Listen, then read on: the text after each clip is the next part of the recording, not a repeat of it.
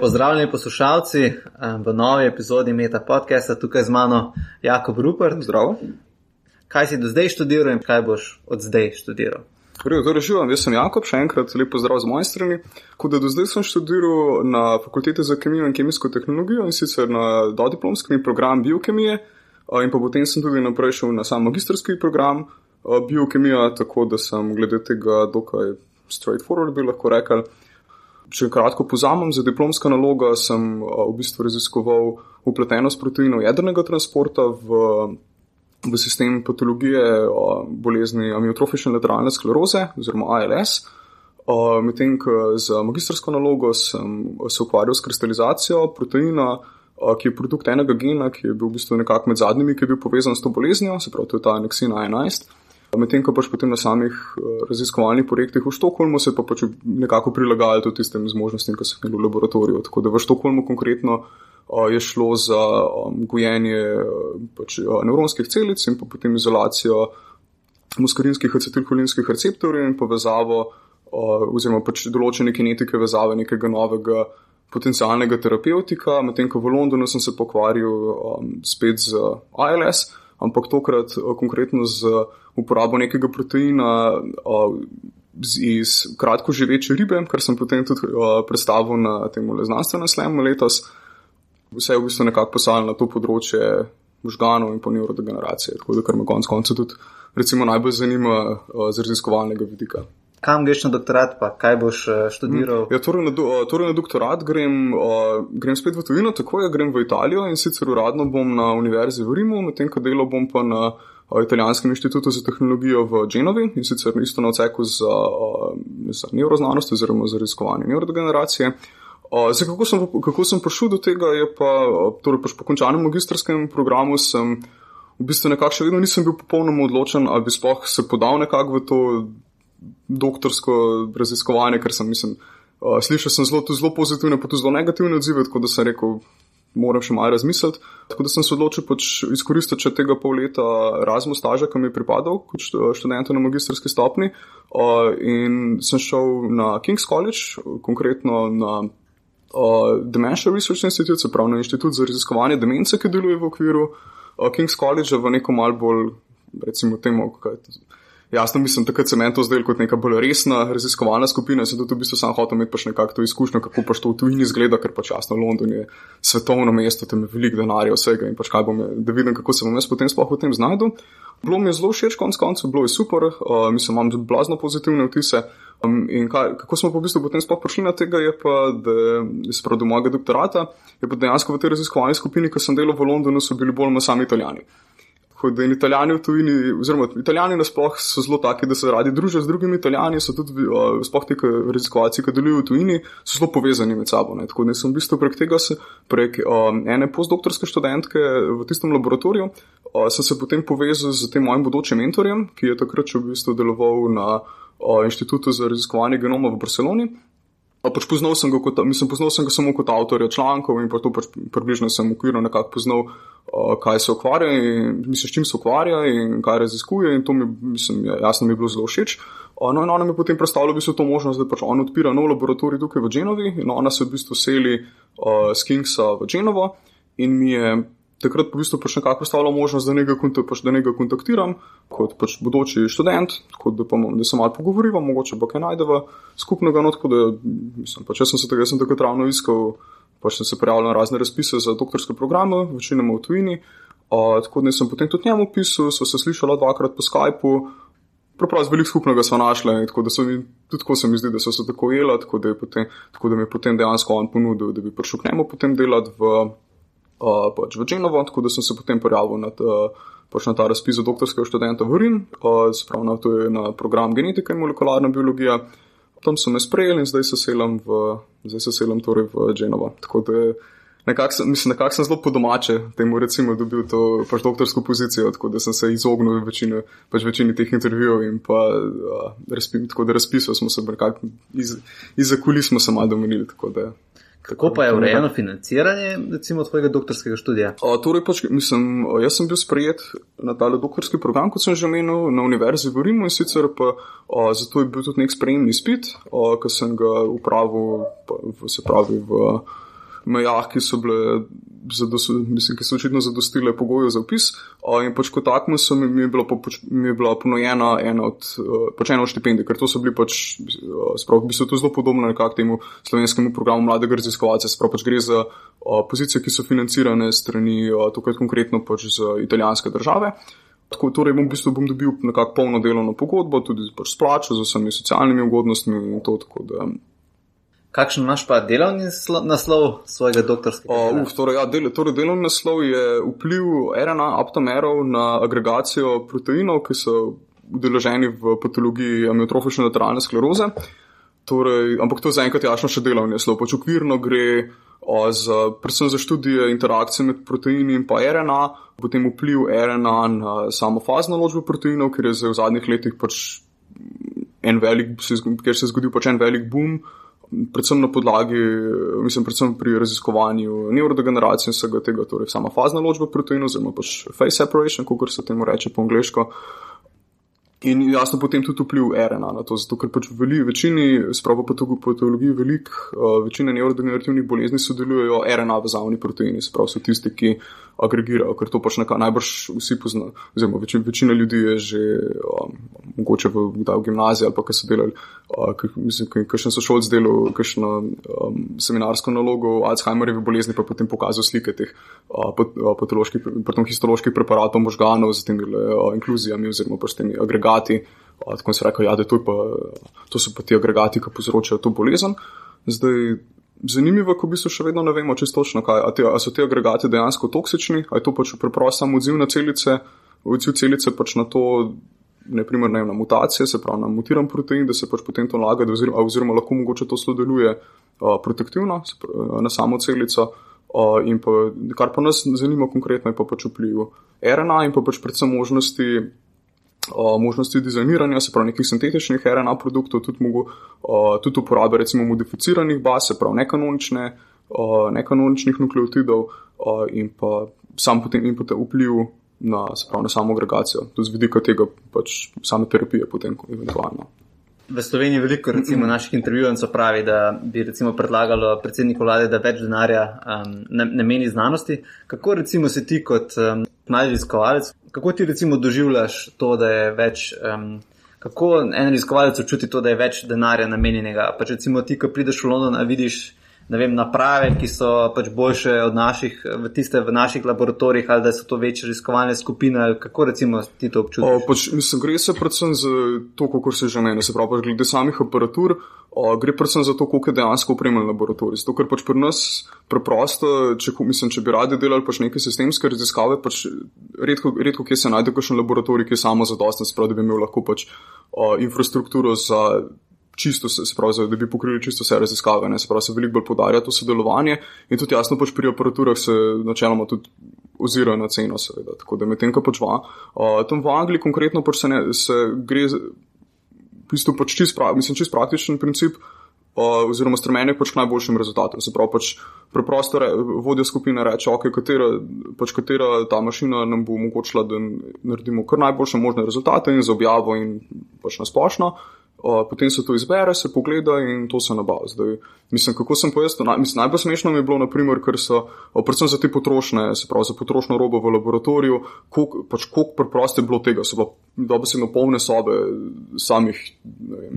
Epic tipsov, se pravi, pač raz, se pravi raznih stvari, ki, pač, ki, ki so res potrošna roba. Laboratorij tega je bilo povsod polno, uh, skozi se je naročalo, In pa tudi, naprimer, če se kaj ta, enkrat spomnim, ker je nekdo, je nekdo je slabo zaprl hladilnik in je šlo za tam približno um, 2000 evrov, pa še več, ne 2000 evrov kemikalije, pač se je odtajalo in je, smo jih lahko pač vrgli samo stran. In pač, mislim, po nas bi bil to cel halo. To je bilo, mislim, pač to, to je res nemarnosti, neumnosti. Tam se pa, na primer, robeni si rekel, ni problema, bomo, bomo nove naročili, vse to je, vse to je potrošna roba, to bi tako porabili, tako da je, ne. Ne, mene bilo to, na primer, pač takrat sem tako, wow, ok, tukaj, tukaj pa to drugače. Se pravi, ti pri svojem doktoratu mm. boš uporabljal to metodo faznega ločevanja? Z... Ne, to, to, ni, to ni metoda, to je pojav. A, to je pojav. Aha. To je biološki pojav. Sicer zdaj, um, ok, da to mogoče malo bolj malo bolj razložim, kako to približno zgleda. Se pravi, pač bistvo, tukaj gre v bistvu čisto za topnost. Se pravi, bistvo topnosti je pač da se pravi ta molekula oziroma ta stvar, ki jo ti hočeš raztopiti v topilu, se pravi v nekaj, ali je to voda ali to karkoli drugega, pač preprosto te se pravi kemijske vezi med topilom in pa topljencem so bolj ugodne, kot pač vezi med samim topljencem. Se pravi, pač, da, in, potem se, in pač potem se dejansko, pač, sprav, na primeru vode in pa soli, se pravi, se dejansko pač pride do, do, do bolj ugodnih interakcij med vodo in pa najem atomi, pardon, ioni natrija in poklora, se potem to obda in se pač potem in to lepo plava.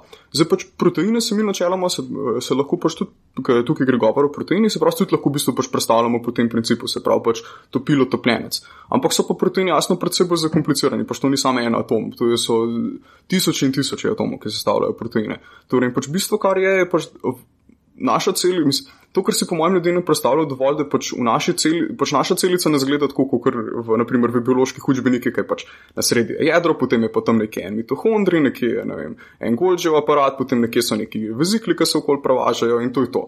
Pač v celici je blazna gužva, če povem po domači, pač, če, če se izrazim po domači. Pač v celici je zelo velik, mislim, pač, to je tak kaos, vse je, pač, vse je nabuten skupaj od organelov do molekul vsega tega. Tako da včasih se preprosto zgodi, da pač, molekul tupi, pač molekule topila niso dovolj dostopne, se pravi v našem primeru voda, če gledamo celico, in se preprosto zgodi, da pač dejansko sam protein je bolj, oziroma pač te interakcije med proteini so bolj ugodne kot interakcije med proteinom in topilom. In takrat nastanejo, temu se reče, dobesedno proteinske kapljice. Se pravi, to je v bistvu zelo, mislim, sama analogija je pač jasno zlijemo olje v vodo in pač rate potem te oljne kapljice. Preprosto zato, ker so pač interakcije med oljem so bolj ugodne, kot interakcije med vodo in pa pač temi ščobnimi kislinami v vodi. Tako da pri proteinih je to isto se tudi na, na ta način lahko predstavljamo. Sprav dejansko proteinske kapljice v celici.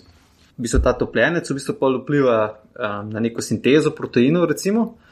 In, ne, eh, mislim, predvsem, kar se dogaja pri teh, pač pri, se pravi, pri nevrodegeneraciji, je, da večinoma se v te kapljice, oziroma te kapljice ne, se, ne ve še, ali se to tvori spontano, ali se to tvori načrtno, oziroma kaj konkretno vpliva. Se pravi, mislim, pač poznani so procesi, ampak ta, mislim, nek celovit pogled na to pa še žal ni zadosten. Tako da, in kar bi mi radi raziskvali, ker gledam, pač konkretno pri amiotrofični lateralni sklerozi, predvsem se v te, mislim, pač predvsem pride do se pravi, do fazne ločbe proteinov, ki vežejo molekule RNA. Se pravi, RNA je pa nekaj pač molekula posrednica med DNA, se pravi, med genomom in pa samim proteinom, ki, oziroma se pravi, pač prek RNA potem pride do same sinteze proteina. In zdaj pač te proteine, ki pa to RNA prevažajo iz jedra ven, se pa lahko v določenih, predvsem v stresnih pogojih, pride do te fazne ločbe, se pravi, pride do bistvu tvorjenja teh proteinskih kapljic in te proteini potem sabo v te kapljice povlečejo tudi RNA. In, mi, kar, bi, in kar se pa dogaja, oziroma kar je nekakšna splošna hipoteza, je pač, da se potem te, ker pač mislim jasno, kot, kot sem že prej omenil, te same agregate, se pravi proteinske agregate v možganih, kar se pa zgodi, da lahko v, recimo v o, dolgih obdobjih stresa, se pravi pač ko na celico deluje, ko je celica v stresnih pogojih, pač recimo dolgo časa, se pa lahko zgodi, da ta proces, ki je načeloma reverzibilen, se pravi, se pač lahko, te kapljice se potem lahko normalno spet raztopijo, da se pa dejansko zgodi, pa v bistvu se nekako te proteine začnejo noter agregirati, se pravi, se začnejo priti do sprememb same strukture, proteini se začnejo lepiti skupaj in kar naenkrat iz te kapljice rata plak, se pravi, oziroma ta agregat. In to, ne, in to je pač ena, ena hipoteza, kako v bistvu dejansko sploh pride do nastanka, sploh pač te molekularne osnove uh, nastanka samih teh plag v možganjih, se pravi, ki so značilne za večino neurodegenerativnih bolezni. In, mi, in pač kar bi mi radi proučevali, pa dejansko kako pač potem ta RNA vpliva na to fazno ločbo, ali lahko naprimer mi pač dizajniramo, se pravi, načrtamo tako molekulo RNA, ki potem to prepreči, ali pa naprimer, ki destabilizira samo kapljico, se pravi, da sicer pride do te fazne ločbe, ampak naprimer, da same interakcije med molekulami niso tako močne. Tako da, je, tako da je tukaj zelo veliko enega, pač zelo veliko v bistvu ene neznanosti in zelo veliko enih možnosti za raziskovanje. Uh, tako da je pa res, da tukaj mislim, pač jaz načeloma sem bolj, kar se tiče biokemije, sem bolj bio, bolj bio kot kemija. Tako da tukaj, naprimer, gre tudi velike fizike, mehke snovi, pa polimerne fizike, pa vsega tega. Tako da to, uh, mislim, čas me kar stresa, ker pomislim, kaj se bom vse mogoče naučiti za doktorat, ampak se, mislim, konc konca zato pa tudi delam doktorat. Da, ja. kakšno, kakšno orodje pa, mislim, boš recimo uporabljal, pa kakšne naprave, da boš, kako boš recimo empirično mm. uh, izmeril. Uh, Recimo, torej se, mislim, torej glede same vezave, pač molekule RNA na proteine je pač laboratorij mojega mentorja razvil uh, uh, en program za napovedovanje, se pravi, to lahko v bistvu delamo pač čist uh, računalniško, se pravi z, uh, molekulskimi, z molekulskimi simulacijami. Potem pač v laboratoriju, pa kar bom, bom pa dejansko sintetiziral, se pravi, pač bom ali v bakterijah ali pa v sesalskih celicah, bom uh, pač proizvajal, rekombinantno proizvajal uh, same te proteine, uh, hkrati, se, hkrati bomo pač tudi sintetizirali potem te načrtane molekule RNA in popravljali razne potem te teste, se pravi, čist, naprimer pač uh, zmerjanjem fluorescence, se pravi, bomo dodali uh, fluor, neko, neko molekulo, ki fluorescira, ko se naprimer tvori tale amiloidni ali plak ali pa naprimer kakšna ta amiloidna fibrila. Uh, tako da bomo videli, če, če začne fluorescenca naraščati, sprav potem očitno pride do agregacije in pač na podlagi, potem bomo dali RNA zraven, pa videli, ali bo to zdaj hitreje pač naraščala ta fluorescenca ali bo počasneje. To so take zelo bazične stvari. In to imaš nek elektronski mikroskop, ko pa gledaš? Uh, no, to, je, to, je, to je v, mislim, to je pač čez uh, spektrum, pač to se meče spektrometrično. Pa to imaš pač spektrometer, ponovadi se to dela na teh le ploščah z 96 odrbinami, spravo še na tako le ploščo, tako le um, format ene normalne namizne fotografije, tam je 10x14, noto 96 plošč in vsako potem, odpi, vsako potem odpipetiraš približno um, uh, nič, približno nič cela 2 ml uh, pač tele raztopine, se pravi, v kateri je tvoj protein. RNA, ta fluorescenčni marker, pa pač sam puffer, se pravi, samo pač ta raztopina, ki drži pH. Uh, in potem, potem, potem se pa da to predvsem pač preprosto noter, ker se nastavi temperatura in se to potem, potem pač poteka meritve na vsakih 10 minut. Včasih, včasih to traja precej dolg časa, se pravi, pona, pona, mislim, konkretno tam v Londonu, ko sem to delal, sem mogel pač meriti več kot en teden, uh, da, pač, da sem dobil za, tudi za te manjše koncentracije in pa naprimer, ko sem uporabljal velike koncentracije RNA, ker pač RNA načeloma uh, RNA preprečuje agregacijo oziroma pač ne, uh, jo zavira. Tako, V idealnem scenariju um, boste bolje razumeli ta proces, kako se pač to dogaja z, z temi RNA molekulami, plus, uh mhm.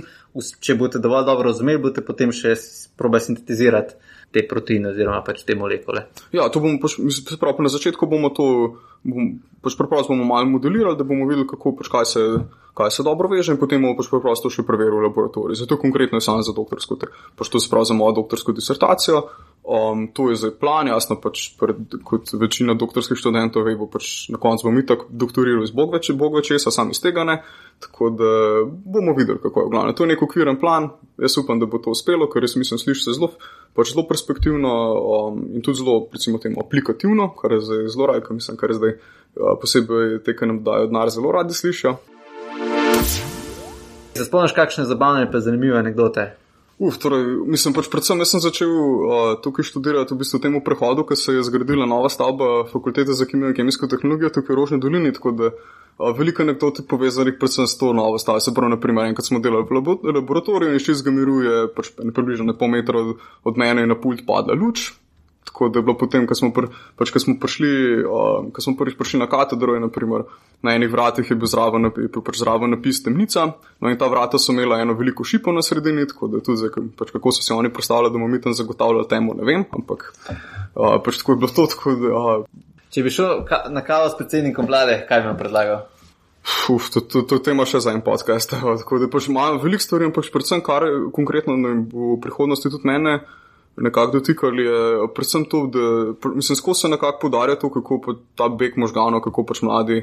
Mladi hodimo v tujino in pač nosimo to znanje, ki smo ga pridobili tukaj. Nekako bi se to, nam rekel, da smo jih izdajalci, ampak pač nekako na ta način, spravi, pač bi se imel to neko negativno konotacijo. Pač predvsem bi rad, da se od njega, da pač nekako se to publicira, da to je super zadeva, da pač v raziskovanju preprosto ne gre to, da si pač skozi samo v enem laboratoriju, da si skozi samo na enem mestu. Če hočeš nekaj, če hočeš nekaj konkretnega narediti, če hočeš tudi osebno napredovati kot raziskovalec, preprosto moraš iti ven, moraš iti v druge laboratorije, v tujino hoditi okoli in to je pač pre, to je preprost sestavni del. Samega raziskovanja, kar je, mislim, kar naprimer meni je to blazen plus. Da ne vem, tako, v bistvu spohnem, zakaj se to predstavlja pač v neki negativni luči. Kar bi pa naprimer konkretno potem tudi rad, je pa, da se vzpostavi nek smiselen sistem financiranja za naprimer, postdoktorske študente ali pa razisko, bodoče raziskovalce, ki se potem vračajo iz tujine v Slovenijo, da lahko oni to znanje, ki so ga v tujini pridobili, potem dejansko uporabijo tudi pač za, za, na slovenskih inštitutih, za slovensko znanost in tudi, pač dejansko tudi pri nas pride do nekega tega napredka. Pač tukaj prostora za napredek je še ogromno. Konkretno to bi, to bi bila resno moja prioriteta.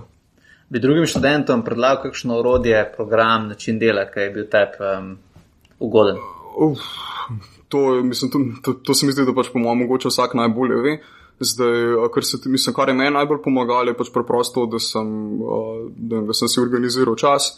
Lepo in pa pač, v bistvu to, da se, mislim, to, da se nisem pre, preveč obremenjeval s stvarmi. Zato, ker pač, mislim, konkretno na biokemiji oziroma na teh, recimo, malo bolj, nočem reči zahtevnih študij, zato ker pa se spet pred, pač predpostavlja nekaj letizem, medtem ko se pač načeloma vsem mislim, da večina študij je kakor to enakovrednih med, pač med sabo, ampak o, konkretno na biokemijo pač kot veliko omejitev smo pač prišli večinoma pač o, mladi. Uh, mladi študenti, ki so imeli pač v gimnaziji visoko povprečje, zlati maturanti, uh, odlični skozi. Ampak jaz sem se pač tudi tukaj na faksu in potem tudi kasneje na magistrskem programu, pač vedno se naredi neka ta legalsova krivulja. Spravi, eni pač večina, večina bo nekje v sredini, pač poprečnih, eni bojo top, eni bojo pa prizadeli. Ampak konkretno pri raziskovanju, oziroma kar je meni men moment zelo slikovito razložil, je pač delamo 100% časa za tistih 5% uspehov. Spravi, dejansko pač približno iz 5% našega časa v raziskovanju pride nekaj koristnega. In to, to je dejstvo, pač tukaj mi tega ne moremo. Če ti vse, pač, če ti vse uspeva v laboratoriju, to, to se ne bo zgodilo. In pač preprosto je v bistvu način ta spopadanja z neuspehom, to, to, v bistvu, to moraš nekako rešiti sam po sebi. Zato, ker pač do tega bo prišlo in s tem se boš soočil. Pač ne glede na to, koliko prej si bil uspešen, če se želiš odločiti za neko kariero v raziskovanju, je pač neuspeh ni opcija, ampak je, več, je večino tvojega časa. In če pač ne boš najdel načina, kako se spoprimaš s tem, potem, je, mislim, pač potem, se, potem boš v bistvu končal v depresiji in ne, mislim, pač ne, nehal, pač nehal delati doktorat. Tako da predvsem bi priporočil, da se to, mislim, to pa kako se vsak s tem spoprema, je pa pač v bistvu čisto osebna stvar. Tako da pač, kar bi priporočil, pač, predvsem, da se najde, da najdeš sam pri sebi nek način, da se spopadeš z neuspehom, ker pač do tega žal bo prišlo. Kakšno priporočilo za knjigo, film, podcast? Film, na zadnje, sem, na zadnje sem gledal film, slovenski film, ne bom več loser, ker mi je bil blazno všeč. Tako da to ga res, res ga vsem priporočam. Um, sam zelo uh, pač rad tudi plesam, tako da konkretno ta film Don Wall in pa tudi Free, tudi free Solo, se pravi film uh, Anaxa Hollanda mi je bil zelo všeč. Um, zdaj, glede same knjige, pa spet odvisno, kaj bereš. Mislim, jaz, zdaj, ko sem bil pol leta v Angliji, konkretno zelo priporočam knjigo Rule Britannia o Danielu Dorlinku in Sally, Sally Tomlinson, ki govori o Brexitu in pa konkretno o, o teh, recimo, temu fantazijah, v, kateri, pač v katerih še vedno vi, živi večina angležev. Uh, potem, glede samih knjig, uh, samega leposlovja, zelo priporočam knjigo Skrivna zgodovina, spravo Secret History of Donut Art. Kar se tiče same, recimo, temu kognitivne znanosti ali pa neuroznanosti, pa, pa, meni zelo všeč knjiga od Sama Harrisa Free Will ki se v bistvu ukvarja s tem, v bistvu s tem že mislim, tisočletja, tisočletja starim uh, ne vem, težko rečem, spopadu, ampak pač v glavnem sprav tem kontrastu, sprav uh, telo, telo proti duhu, kdo za koga kontrolira. Ne? In pač konkretno uh, v tej knjigi, uh, kar so potem tudi veliko drugih kognitivnih znanstvenikov nekako uh, pač razvili to misel, da dejansko pač v bistvu svobodna volja sploh ne obstaja in da možgani kontrolirajo nas in ne obratno. Sprav nismo mi pač nekako v kontroli, ampak da smo v bistvu tudi mi nekako sužen možganov in pa samih bioloških procesov, kar se dogaja. Težko, mislim, težko rečem, da je to zdaj kot neka absolutna dogma, ampak za vsakega, ki bi ga to zanimalo, zelo priporočam to knjigo. Če bi lahko kogarkoli povil na večerjo, koga bi, vem, da ti bi imel kar eno Uf, ja, celo družščino. Jaz sem se kljub mislil celo mizo, zdaj če že imam šanso, jih bom povabil. Ja, tako da imam tukaj napisane, slučajno, da ne bom koga pozabil. Pomislil sem si, da je mogoče zelo različno mizo, med katerimi bi se potem selo, tako da in sicer za same debate, recimo tako malo bolj filozofske, bi absolutno povabil Douglasa Adamsa, Christopherja Hitchensa in pa Kurta Vonegata. Uh, Medtem, ko za, za navdih v življenju in pa to, kaj je dejansko človek sposoben, bi absolutno povabil plezalca Alexa Honolda. Uh, za, potem za samo vzdušje bi imel desetega doktorja iz serije Doctor Who, se pravi, to je, ki ga je igral David Tennant, mogoče ga poznate. Uh, tako da bi se potem za, za samo vzdušje bi si uh, povabil tudi Richarda Joadija in pa Noelda Fieldinga, se pravi, to sta dva angliška um, komika za, potem za glasbo Roya Mazareka iz skupine The Doors, njihovega klaviaturista in pa potem za catering, ker jasno pač glede na to, da večerja mora nekdo, tu, nekdo tudi kuhati, dobi vabilo pa Anthony Bordant. Poslušali ste Meta podcast. To je oddaja, v kateri se pogovarjamo z mladimi znanstveniki in znanstvenicami z različnih področji znanosti. Podcast domuje na spletišču metinalista.si, kjer najdete tudi druge zanimive znanstvene vsebine. Naše delo lahko podprete z donacijo Metini listi. Pohvale, pripombe in predloge lahko posredujete po e-mailu znanostafna.metinalista.si. Dobrodošli so tudi komentarji na Facebook profilu Metine liste in na Twitterju afna Metina lista, kjer uporabite hashtag metapodcast.